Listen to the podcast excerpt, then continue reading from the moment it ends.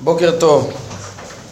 מורה נבוכים, פרק ראשון, פרק נ"ה. כבר אמרנו בכמה מקומות בחיבור זה שהכרח לשלול ממנו יתעלה כל מה שמחייב גשמות.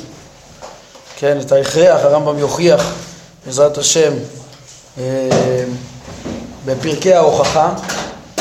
כן, אנחנו עשינו חלוקה, פר, פרקי הטיהור ההשגה עד ס"ז ואחר כך יהיה פרקי ההוכחה, אז מי התחילה, מי מתגלגל מחלק ראשון לחלק שני, בתחילת חלק שני, אז יהיה הוכחות, אבל בזה הרמב"ם עסק רבות, גם כן להבין את זה, איך שהמקראות גם לא מחייבים, עם התארים שבהם, לא מחייבים ריבוי, ולא, גשמות, סליחה. אז כבר אמרנו בכמה מקומות בחיבור זה, שהכרח לשאול ממנו יתעלה כל מה שמחייב גשמות, כן, שזה עוד יוכח, וכן יש לשלול ממנו כל היפעלות, כן, גם את זה למדנו, שצריך לשלול, לשלול ממנו כל היפעלות, כי כל ההיפעלויות מחייבות שינוי, ובלי ספק הפועל של אותן ההיפעלויות אינו הנפעל עצמו, ואם כן, אילו היה הוא יתעלה נפעל באופן היפעלות כלשהו, הרי היה זולתו הפועל בו והמשנה אותו. כן, ולא שייך, כן, זה כל ההיפעלויות, כששללנו את, ה, את המידות, מידות הנפש, חוץ מזה שזה מחייב ריבוי, זה גם אה, רובם היפעלויות. אדם אה, קולט בחושים את המציאות ובהתאם לזה מתפעל את הנפש. כן, שונה מהשכל שהוא יכול להיות פועל מעצמו, יוזם, ולא, אה, לא, יש דברים שהוא... נפעל מהשגות החושים, השכל של האדם. אה, אבל אה, אצל הבורא, גם הבחינה הזאת של ההיפעלות לא שייכת, כי הוא מחויב המציאות בעצמו, שלא תלוי בשום דבר אחר, לפני שהיה עולם ואחרי, אם ירצה הבורא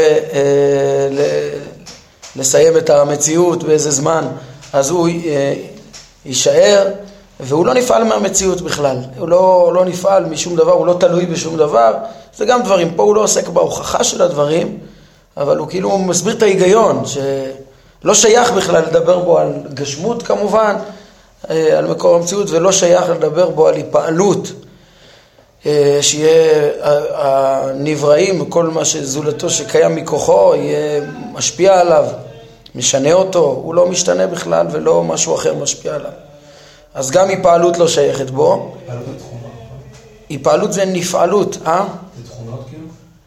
אה, יש, רוב התכונות הנפשיות שלנו הן נפעלות, כן, הן בעיקרון, אה, למשל הרחמים, כשאדם רואה איזשהו מצב של אומללות ומסכנות, אז נפשו אה, מתרככת, כמו שהרמב"ם תיאר בפרק הקודם, שופט המנהיג האידיאלי אמור לא, לא להיות מושפע בלבד ממידותיו, אלא בעיקר מתוך שכלו ראינו שהוא ידריך את uh, מידותיו, להתנהג רק ב...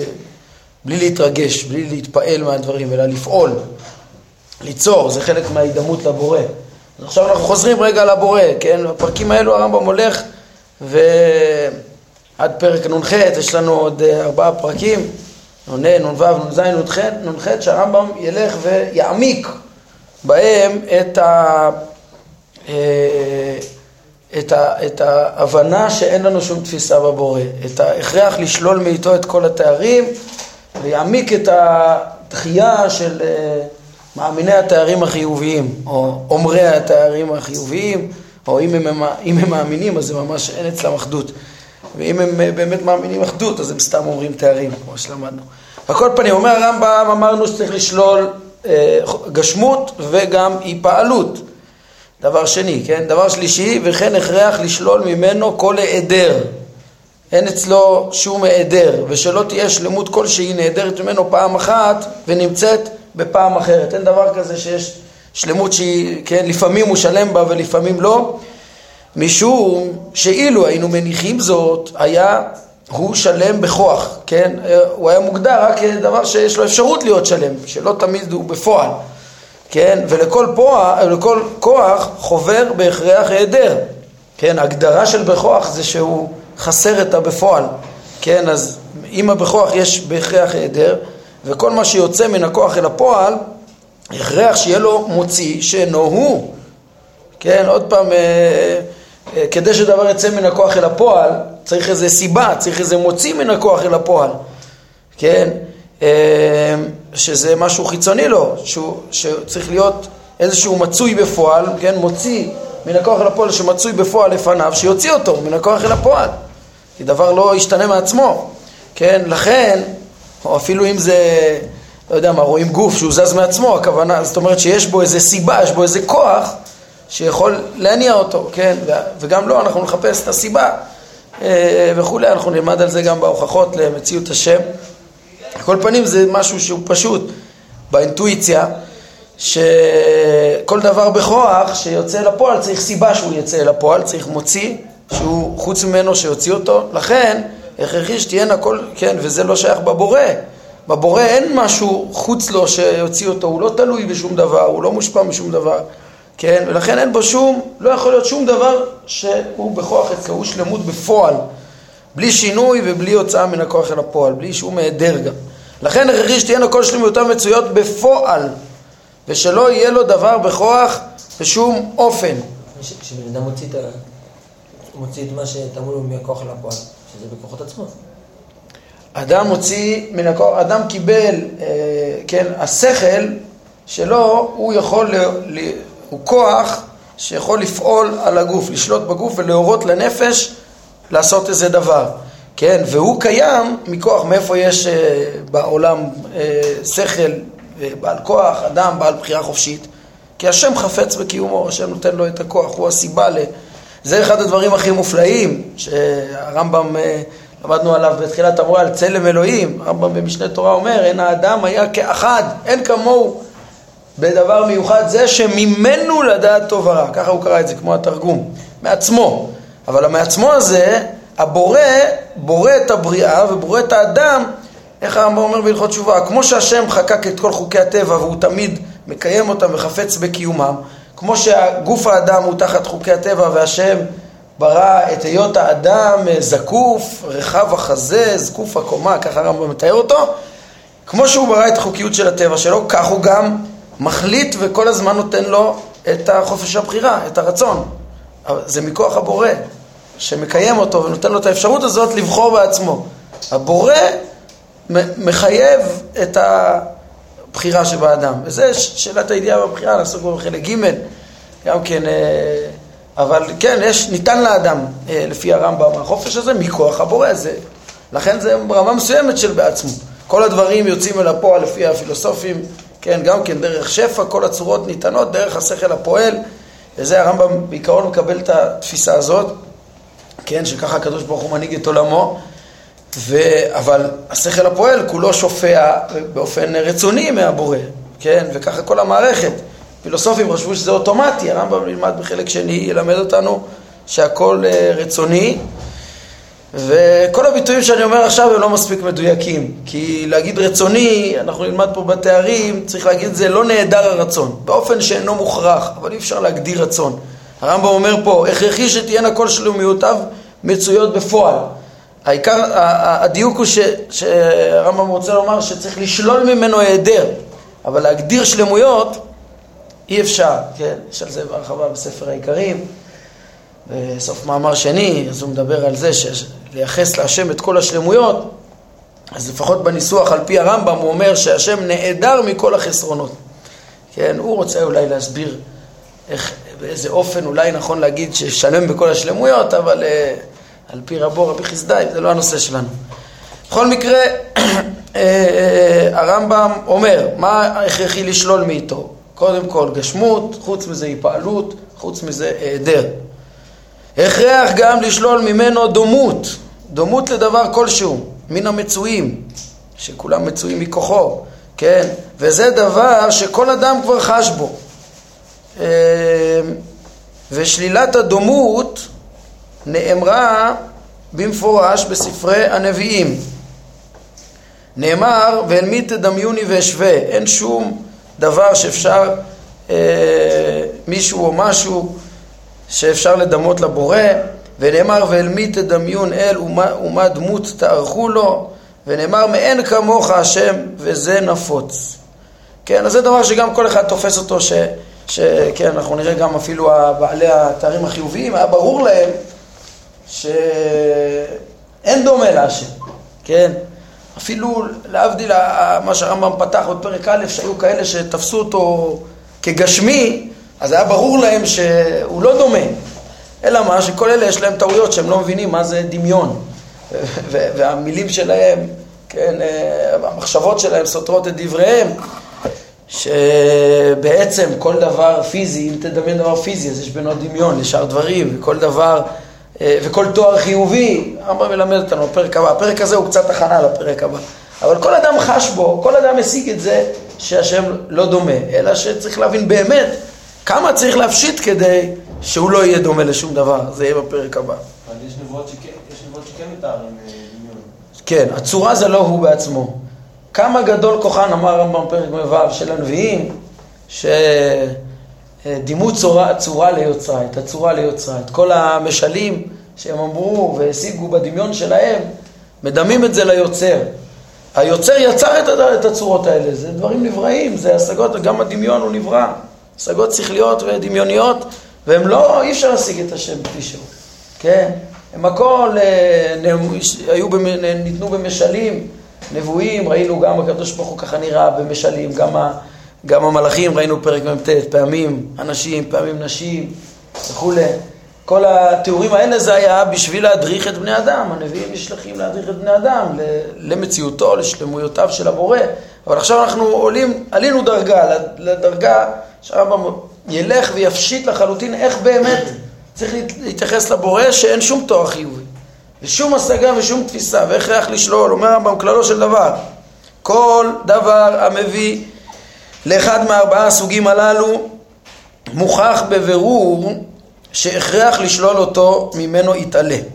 כן, מה זה ארבעה דברים שדיברנו עליהם? הוא מסכם, והם כל מה שמביא לגשמות, הכרח לשלול מהשם, כל מה שמביא להיפעלות ושינוי, כן, ב, הדבר הראשון, כל מה שמביא לגשמות, זה בעצם לא רק תבנית הגוף שנשללה בחטיבת הפרקים הראשונים של המונחים, אלא גם כל המרחב הפיזי, שזה החטיבה השנייה, וכל מה שמביא להיפעלות ושינוי זה החטיבה השלישית של פרקי המונחים, ועכשיו הוא מוסיף עוד בחינות, צריך להיות, אה, שגם צריך להבין כל מה שמביא להיעדר שלא שייך בו, כגון שלא יהיה לו דבר בפועל ולאחר מכן יהיה בפועל, ודבר רביעי, או מה שמביא לדומות דבר מברואיו, שזה יביא אותנו בסוף להבנה שאפשר לתאר את השם רק בתארים שוללים, כן, כמו שנלך ונלמד עכשיו, פרק אה, אחרי פרק, הרמב"ם יוסיף עמוק מן הקודם, עמוק, עמוק מכל מה שקדם, אנחנו נראה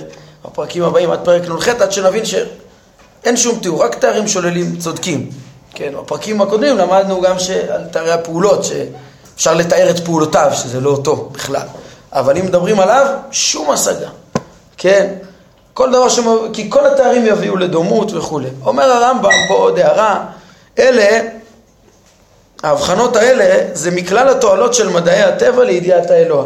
אתם זוכרים, למדנו פרק ל"ד, הרמב"ם אה, אמר כמה הכרחי להכיר את המציאות ולהכיר את הלוגיקה ולהכיר את הפילוסופיה של הטבע, כן, בעצם, אה, כן, לדעת השם. עכשיו הרמב"ם משתמש בזה, אמרנו, נראה את זה בפרקי התארים. הנה פה, למשל, הוא אומר וחוזר ואומר, הוא אומר, כל מי שאינו יודע אותם מדעים, אינו חש במגרעת שבהיפעלויות. כן, צריך פה קצת התבוננות, להבין למה, למה שההיפעלות זה חיסרון. האדם לא מרגיש שזה חיסרון, אצלו זה שלמות שהוא מצליח, ל... שהוא קלט את החוש והשיג. הוא לא יודע בכלל מה ההבדל בין להיות בפועל, להיות קיים, לא תלוי בדברים המשתנים, להיות...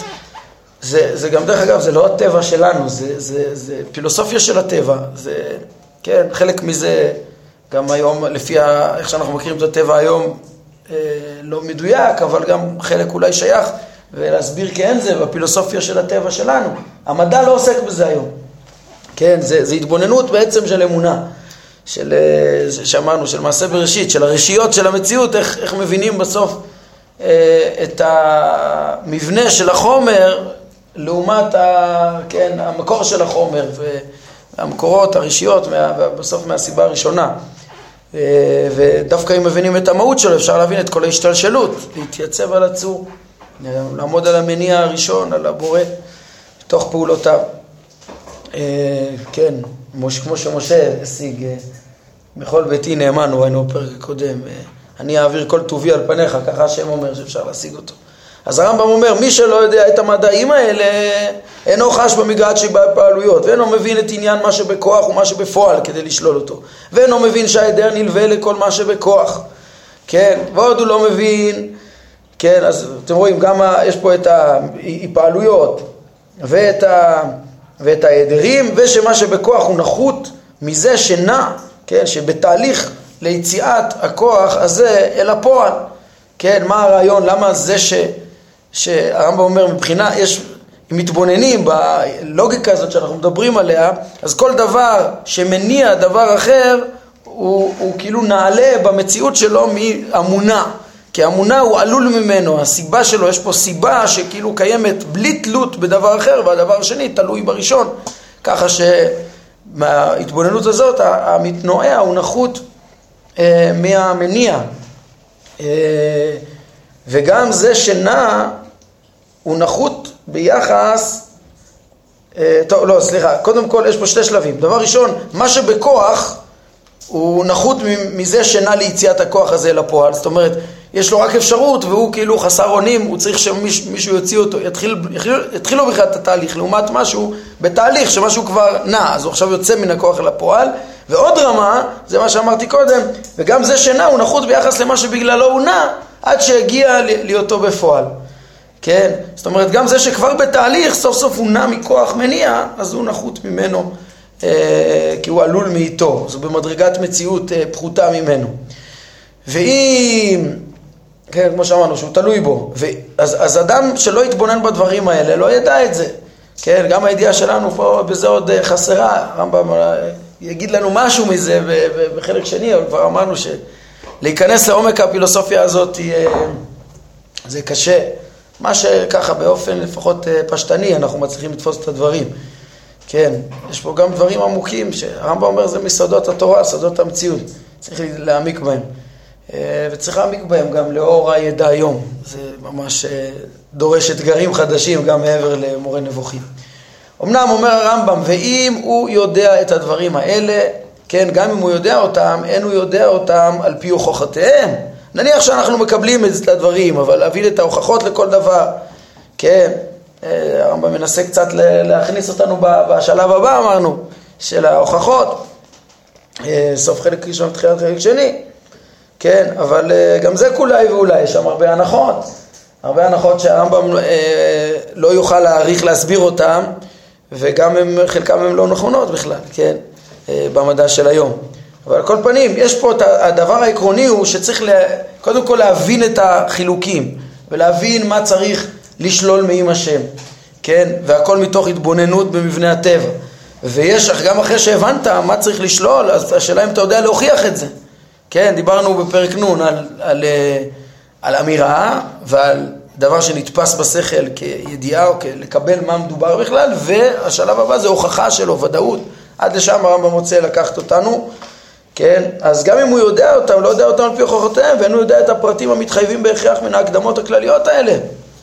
ולכן אין לו הוכחה לגבי מציאות האלוה ולא לגבי הכרח שלילת אה, אותם סוגים ממנו.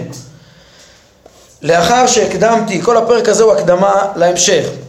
לאחר שהקדמתי את ההקדמה הזו, החל בפרק חדש שבו אבאר שמה שחשבו המאמינים שיש לו תארים חיוביים עצמיים, לא ייתכן. כן, הוא כבר אמר את זה, כבר עמדנו על זה מפרק אה, נ' עד אה, נ"ד בעצם.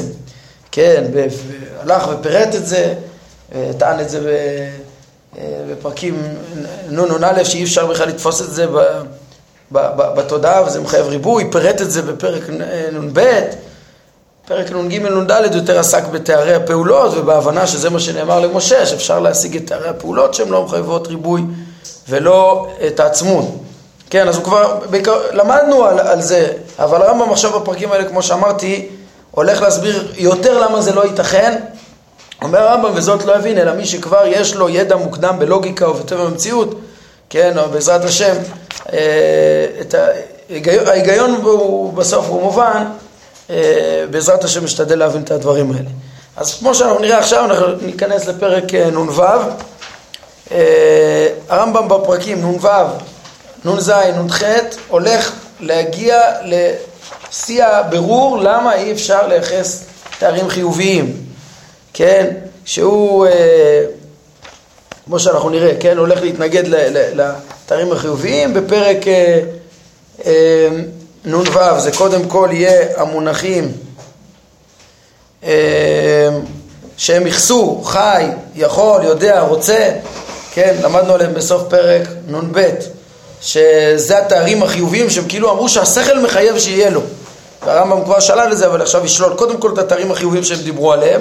פרק נ"ז נהיה המכה יותר גדולה, תראו את הכותרת, על התארים עמוק יותר מן האמור עד כה. שם הוא יעבור גם לתארים כבר יותר בסיסיים שבכלל לא, הם אפילו לא חשבו עליהם, אפילו בעלי התארים החיוביים לא בהכרח, כן? הוא מדבר על המציאות והאחדות והקדמות, כן? כאילו דברים שהם כאילו פשוטים לאנשים ש, שאפשר לייחס אותם. הרמב"ם מלמד את, את, את כל ישראל בפירוש המשנה בי"ג העיקרים, להאמין במציאות, באחדות, בנצחות, בנצחיות, כן? גם אותם אנחנו נלמד שצריך, שאי אפשר לייחס אותם בצורה חיובית לבורא, כן? אה, מרפסן, אז זה עוד יותר עמוק. ופרק נ"ח עמוק יותר מן האמור עד כה. כל מה שאמור עד כה זה להגיע ממש להבנה שאי אפשר לתאר את השם אלא בשלילות. זה השיא השלילה ש- של, ה- כן, של הפרקים האלו. בעזרת השם נראה אחר כך, פרק נ"ט ס', העניין שלהם זה אה, להסביר את המדרגות בהשגה שיש אם, אם אין השגה, אם רק שוללים, אז מה המדרגות? זה עניין בפני עצמו, כן? אבל בעצם עד נ"ח זה עכשיו נכנסים לתהליך הזה. אז קודם כל לשלול את התארים שהם ייחסו. אומר הרמב"ם, הקדמה, כן? פרק נ"ו, דע שהדומות היא יחס מסוים בין שני דברים. וכל שני דברים שאין לשער ביניהם יחס, כך אין להעלות על הדעת דומות ביניהם. וכל, וכן, כל שאין דומות, אין ביניהם יחס. כן, זה דברים שהולכים ביחד. מתוך דומות אפשר לתאר אה, יחס. ואם אין יחס, אין דומות, אם אין דומות, אה, שוב, אם אין יחס, אין דומות, ואם אין דומות, אין יחס. לדוגמה, אין אומרים, החום הזה דומה לצבע הזה, ולא הקול הזה דומה למתיקות הזו. וזה דבר מובן מאליו. הם לא באותו מישור, אין לך מה להשוות.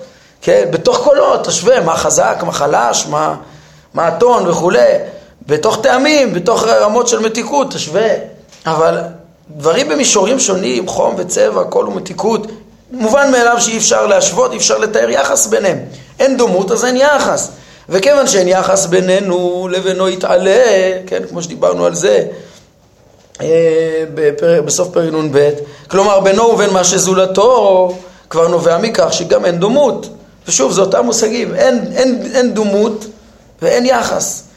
אתה לא יכול להגיד גדול מזה, אתה לא יכול להגיד חכם יותר, אתה לא יכול להכניס על שום סקאלה ולהגיד זה יותר מזה ולתאר איזה יחס. כן, והוא לא תלוי בשום יחס, הוא עומד בעצמו בלי קשר אלינו, כמו שלמדנו, ממילא גם אין, אם אין יחס גם לא יהיה דומות וכולי. ודע שכל שני דברים השייכים, כל זה הקדמה, נראה, כן, איך הוא הולך לשלול את, ה, את הסתירה הבעייתית בתוך דבריהם של בעלי התארים החיוביים, שבעצם כוללים דומות בלי לשים לב בכלל, וסותרים את עצמם. אז שוב, מה, מה, אני ממשיך פסקה 2. ודע שכל שני דברים השייכים לאותו מין, כלומר שמהות שניהם היא אחת, אלא שהם שונים בגודל ובקוטן, או בחוזק ובחולשה וכיוצא בזה, הם בהכרח דומים זה לזה. אף שהם שונים באופן האמור. זאת אומרת, הם שונים בחוזק ו- וחולשה, בקוטן וגודל, כל מיני דברים כאלה. אבל אם הם אותו מין, תמיד יש בהם דומות, ואי אפשר להגיד, הדבר הזה כל כך גדול וזה כל כך קטן, אז הם לא דומים. לא, לא, זו מחשבה ילדותית ולא נכונה, הרמב"ם מסביר, לדוגמה, גרגר החרדל והגלגל שכוכבי השבט קבועים בו, כן, זאת אומרת, אצלם זה קצה המציאות. כל המציאות כולה, כדור הארץ, בתוך גלגל הירח, בתוך הגלגל זה, בתוך גלגל... בתוך הגלגל העליון, הכל בתוך הערבות. השם מתואר כמי שרוכב ערבות, לא שהוא נמצא חלילה על, כן, הוא לא נמצא במקום, כמו שהרמב"ם עשה מזה צחוק בפרקי המרחב הפיזי, אלא שהוא המניע אותו. אבל כאילו זה הקצה של המציאות, הדבר הכי גדול שיש, הכל נמצא בתוכו. אצלם לא היה, דיברנו על זה, אין כלום מעבר לגלגל. המקום אצלם זה היה המעטפת של הדבר, כאילו כדור הארץ נמצא בתוך גלגל הירח. מה מקומו של כדור הארץ? גלגל הירח. הוא נמצא בתוכו. מה מקומו של גלגל הירח וכל שאר הגלגלים? הגלגל הרבות, הגלגל המקיף זה המקום של הכל. זה הגדרה לפי אריסטו ולפי הרמב"ם למקום. מה מקומו של הגלגל העליון? אין לו מקום. אנחנו אומרים שמקום זה מילוי המרחב. אז יש לו את השטח שהוא תופס, אבל אצלם לא היה ריק, אנחנו נלמד בסוף חלק א', כן, בוויכוח עם ה... ובחלק ב' לא היה ריק, ואז, אלא המקום זה הדבר שבתוכו הדבר נמצא, כאילו המעטפת שלו, אז אה, ממילא אין לגלגל העליון, אין מקום, אין כלום, גם לא חלל ריק, אין כלום, אי אפשר, אי אפשר לחשוב מה למעלה, מה למטה, מה לפנים, מה לאחור, כי אין, כי זה סתם להטריח את הדעת בדבר לא קיים. ככה הם התפסו. על כל פנים אומר הרמב"ם, זה אותו גלגל עצום והגרגיר החרדל. אז האדם יכול לחשוב שהם לא דומים. אבל הם דומים, אומר הרמב"ם, בתלת הממדיות. יש להם, בדיוק, כן, ואומר הרמב"ם, ואף שזה גדול ביותר זה קטן ביותר, עניין מציאות הממדים אצל שניהם אחד הוא. אין שום הבדל ביניהם במושג מציאות הממדים. לשניהם יש ממדים פיזיים, שניהם במרחב הפיזי. וכן הדונג המותח בשמש ויסוד האש הם דומים בחום. ואף שהחום ההוא עז ביותר והחום הזה חלש ביותר, כן, נכון שזה בכלל לא אותו טמפרטורות, אבל מכל מקום עניין אה, הופעת האיכות הזו בשניהם אחד פה יש חום ופה יש חום. כך, כל זה הקדמה. כך ראוי היה שיבין, כן, את ההבנה הפשוטה הזאת, שכל איזה מכנה משותף הוא, הוא יוצר דומות, כן, אה, ויחס וכולי. כך היה, כך ראוי היה שיבין מי שמאמין שיש תארים עצמיים שהבורא מתואר בהם. והם שהוא מצוי וחי ויכול ויודע ורוצה. עד עכשיו למדנו בפרק נ"ב שמה הם יחסו לו? חי, יכול, יודע ורוצה. פה הרמב"ם מוסיף גם את המצוי, כן? כי זה גם, זה, זה פשיטה, הם אולי לא מנעו את זה, אבל זה היה פשוט להם שמייחסים לו גם את המצוי, והרמב"ם הולך ללמד אותנו שכאן, שגם זה, כן, בפרק הזה ועוד יותר בפרק הבא, גם המצוי זה דבר שאנחנו צריכים לתאר אותו רק בשלילה, כי אנחנו לא יכולים להבין מהי המציאות האלוקית. לא יכולים, זה בכלל לא אותו מציאות שלנו, זה לא אותו מושג. המציאות שלו והמציאות שלנו. כל מה שאנחנו מכירים מציאות זה רק משהו תלוי מציאות, זה לא באמת המציאות, זה משהו ש, שמתחייב ממנו ואותו אי אפשר לתפוס. הוא ומציאותו אחד ואי אפשר לתפוס. אז רמב"ם מוסיף גם את זה. אז מי שמאמין בתארים העצמיים עם היסוד האלה, מצוי וחי ויכול ויודע ורוצה, מה, כן, אז מה, מה היה ראוי שיבין? שהעניינים האלה אינם מיוחסים אליו ואלינו אה, באותה משמעות. כך שהשוני בין התארים האלה ובין תארינו, כן, לא שייך ש, שהשוני יהיה רק באופן של אה, גדול יותר, או שלם יותר, או מתמיד יותר, או יציב יותר. זה אותו דבר, זה מציאות, אבל יותר זמן. היה לפנינו ויהיה אחרינו. לא, ממש ממש לא. אי אפשר, או גודל יותר, בכלל לא שייך בגודל, לא ש... ושום דמיון, אין שום יחס ושום דומות.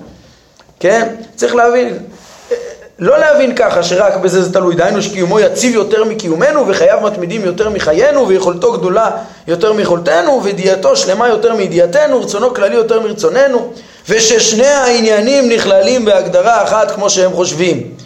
לא שייך בכלל, כן? אין הדבר כן, בשום אופן, כי הלשון יותר מ... נאמרת רק על שני דברים שהעניין הזה נאמר עליהם בהסכמה. כן, היינו, שיש להם תכונה מהותית משותפת. כן, אתה מדבר על חיים פה ופה, אתה מדבר על יכולת פה, פה ופה, רצון, זה, זה, זה משהו עם מכנה משותף, כמו שראינו בגלגל הגדול בגרגיר החרדל. וכאשר הדבר כך מתחייבת דומות, שיש באמת איזו תכונה מהותית משותפת, הדבר נאמר בהסכמה על שני המונחים המדוברים. ולשיטתם, שכן, אז, ו, וזה הרי לא שייך. עכשיו, לשיטתם שהם סורים שיש תארים עצמיים, הרי כמו שמחויב שעצמותו יתעלה לא תדמה לעצמויות אחרות, כך ראוי היה שהתארים העצמיים שהם טוענים לקיומם, כן, ולא קיימים בכלל, אבל הם טוענים לקיומם, לא ידמו לתארים אחרים, ולא תכלול אותם הגדרה אחת. זאת אומרת, לדע... לשיטתם, שהם טוענים שיש תארים עצמיים, שהם חלק מהעצמות, כן? אז צריך שלא יהיה שום הגדרה כוללת לאותם תארים עם המושגים שאנחנו מכירים. כי הרי אין שום דומות ושום יחס בין הבורא לבריאה.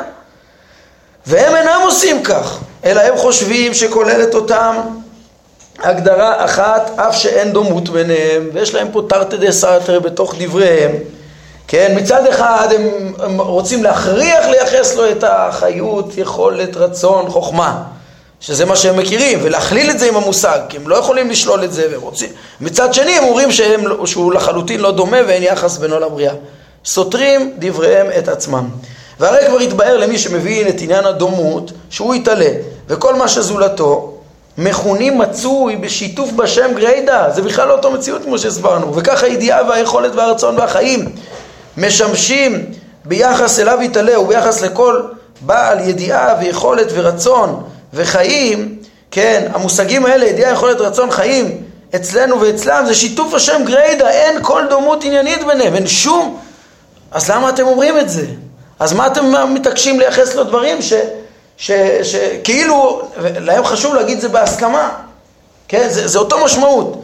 אז, אז מה הם יתרצו? אולי אומר הרמב"ם, אל תחשוב שאלה מונחים מסופקים. אז בוא נגיד, זה לא מונחים שנאמרים בהסכמה, באותה משמעות בדיוק, אלא מונחים מסופקים. כן, ראינו את זה כבר בהקדמה, את המושג הזה. מה זה מונח מסופק? מסופק שספק אם זה שיתוף בשם גריידא או שיש קשר מהותי.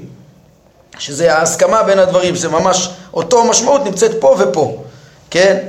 אתם זוכרים, דוגמה שהבאנו לזה, זה בן אדם, כשנאמר על אדם אה, מת, נגיד, על גוף של אדם. בעיקרון השם אדם נאמר על מהות האדם. מהות האדם היא נעדרת מהאדם המת. כן? מצד שני, התבנית הגוף של האדם, יש לו, זה, יש לו גוף, זה גוף אדם, אפילו פסל, יש לו תבנית גוף אדם, השאלה, וגם לזה אפשר לקרוא לו אדם. אבל פה זה מסופק, האם אתה מדבר פה על תכונה מהותית אה, משותפת, שזה כאילו חלק מהמושג של האדם זה גם תבנית הגוף שלו, או שזה מש, שיתוף השם בעצם, זה לא בעצם מהות האדם שזה חי, בעל חיים מוגה, כמו שראינו, ולא זה. אז אולי הם, הם כאילו רוצים לברוח מזה, אולי זה מסופק, כאילו, אולי זה כן אותו משמעות, אולי זה לא אותו משמעות, בדיוק. כל המושגים האלה החיוביים, ידיעה, יכולת, רצון וחיים אצל הבורא ואצלנו. אומר הרמב"ם, אי אפשר להגיד ככה, לא בהסכמה ולא ב... אי אפשר אפילו להסתפק עם זה בהסכמה, זה בוודאי לא באותו משמעות, זה נקרא שיתוף גמור, שיתוף השם גמור.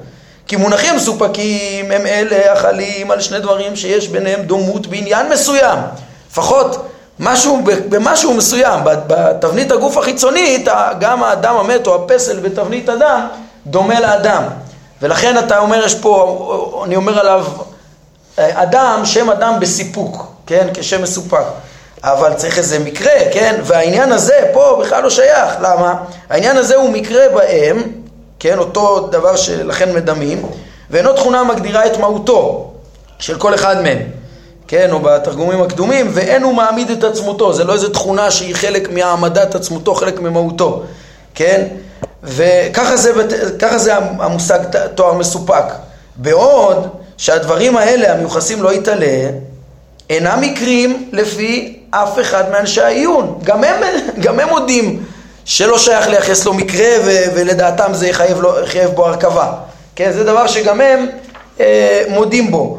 ו- ו- ולכן הם בעצם גם לא שייך, לא שייך להגיד בהסכמה, כי זה מושג שמחייב דומות מהותית, ולא שייך להגיד סיפוק, כי לפחות צריך להיות דומות מצד המקרה. אבל הוא אומר, והתארים האלה כולה, שלנו הם כולם מקרים לפי דעת המדברים. אנחנו נלמד את זה בסוף החלק הזה, שאצלם הכל מקרים, כן? אה, אז איך אתם מדמים תואר עצמי אצל הבורא אה, שאין לו שום תכונה מהותית, שום, ולא מקרית, שום דמיון, לא מבחינה מהותית ולא מבחינה מקרית לתארים האלה? מי ייתן וידע מאין הגיעה הדומות עד שתכלול אותם הגדרה אחת כך, ש, כך שהם יאמרו בהסכמה כמו שהם טוענים. אין שום דמיון, יש פה הטעות הפשוטה הזאת של המושג הזה שהרמב"ם אומר, מה זה, שדומות היא, היא שנאמרת רק במקום שיש יחס, ופה ביחס לבורא ונבראים אין שום דומות, לא שייך להגיד איזושהי דומות כזאת בהסכמה ולייחס תארים, והרי זו הוכחה חותכת על כך שהתארים האלה המיוחסים לו, אין שום שיתוף בין עניינם ובין עניין אלה הידועים אצלנו, אלא, כן, אין שום משמעות משותפת, אלא השיתוף ביניהם הוא רק השם ותו לא. אתה אומר, אם אתה קורא להשם חי, ולנו חיים, אתה רק השתמשת באותו מילה, אבל זה לחלוטין שונה. כן, זה, לכן בהמשך הרמב"ם מגיד, גם, גם כשאנחנו אומרים חי, אנחנו בכלל לא מתכוונים לאיזה משמעות שאנחנו מבינים, אלא לשלול את המוות. כמו שהכוזרי אומר בתחילת, פרקת, בתחילת מאמר שני, על התארים. אה, כן, אז אה, בכלל, כן, אמרנו שהדברים שפה של הרמב"ם דומים, נראה את זה בפרק הבא, גם אולי נציין דברים שהרמב"ם מביא, שנמצאים גם בכוזרי. אבל הרמב"ם מסביר הרבה יותר אה, בפירוט, כן? אז, אז הרמב"ם אומר, רק, רק במילים, וכיוון שהדבר כך, אין ראוי שתאמין בקיומם של עניינים נוספים על העצמות, בדומה, בדומה לתארים האלה הנוספים על עצמותנו. אצלנו זה דבר נוסף על העצמות, אל תמציא תארים ביחס לבורא, אומר הרמב"ם אחרי הבנת, כן, המושג של להגיד שיש דומות בדבר שאין בו שום, שום יחס הוא פשוט לא נכון, אתה סתם אומר מילים, אל תמציא את זה, אין שום דמיון, אם, אם יש לזה איזה משמעות למה שאתה אומר, אז זה מחייב ריבוי, כן, וזה לא נכון, ואפילו אתם אומרים שזה עצמי ואין יחס ואין דומות, אז אין תארים חיוביים והם, ואי אפשר לסתור את, את הדברים, כן, כמו שהם סותרים את עצמם. אה, כן, רק משום שיש ביניהם שיתוף בשם. זה שיש שיתוף בשם אז אתה תבוא ו, ובגלל זה תטעה באמונה. העניין הזה נכבד ביותר אצל היודעים, על כן זכור אותו ועמוד עליו באמת, כדי שיהיה מוכן למה שארצה להסביר לך. כן, אז זה השלב הראשון של שלילת התארים החיוביים שחשבו אותם חכמים בעיניהם לייחס לבורא. בעזרת השם נראה בפעם הבאה את השלבים הבאים, כמו שאמרנו. ואת ה... כן, יותר עמוק מן האמור עד כה. טוב, עד כאן להיום. ברוך אדוני לעולם, אמן ואמן.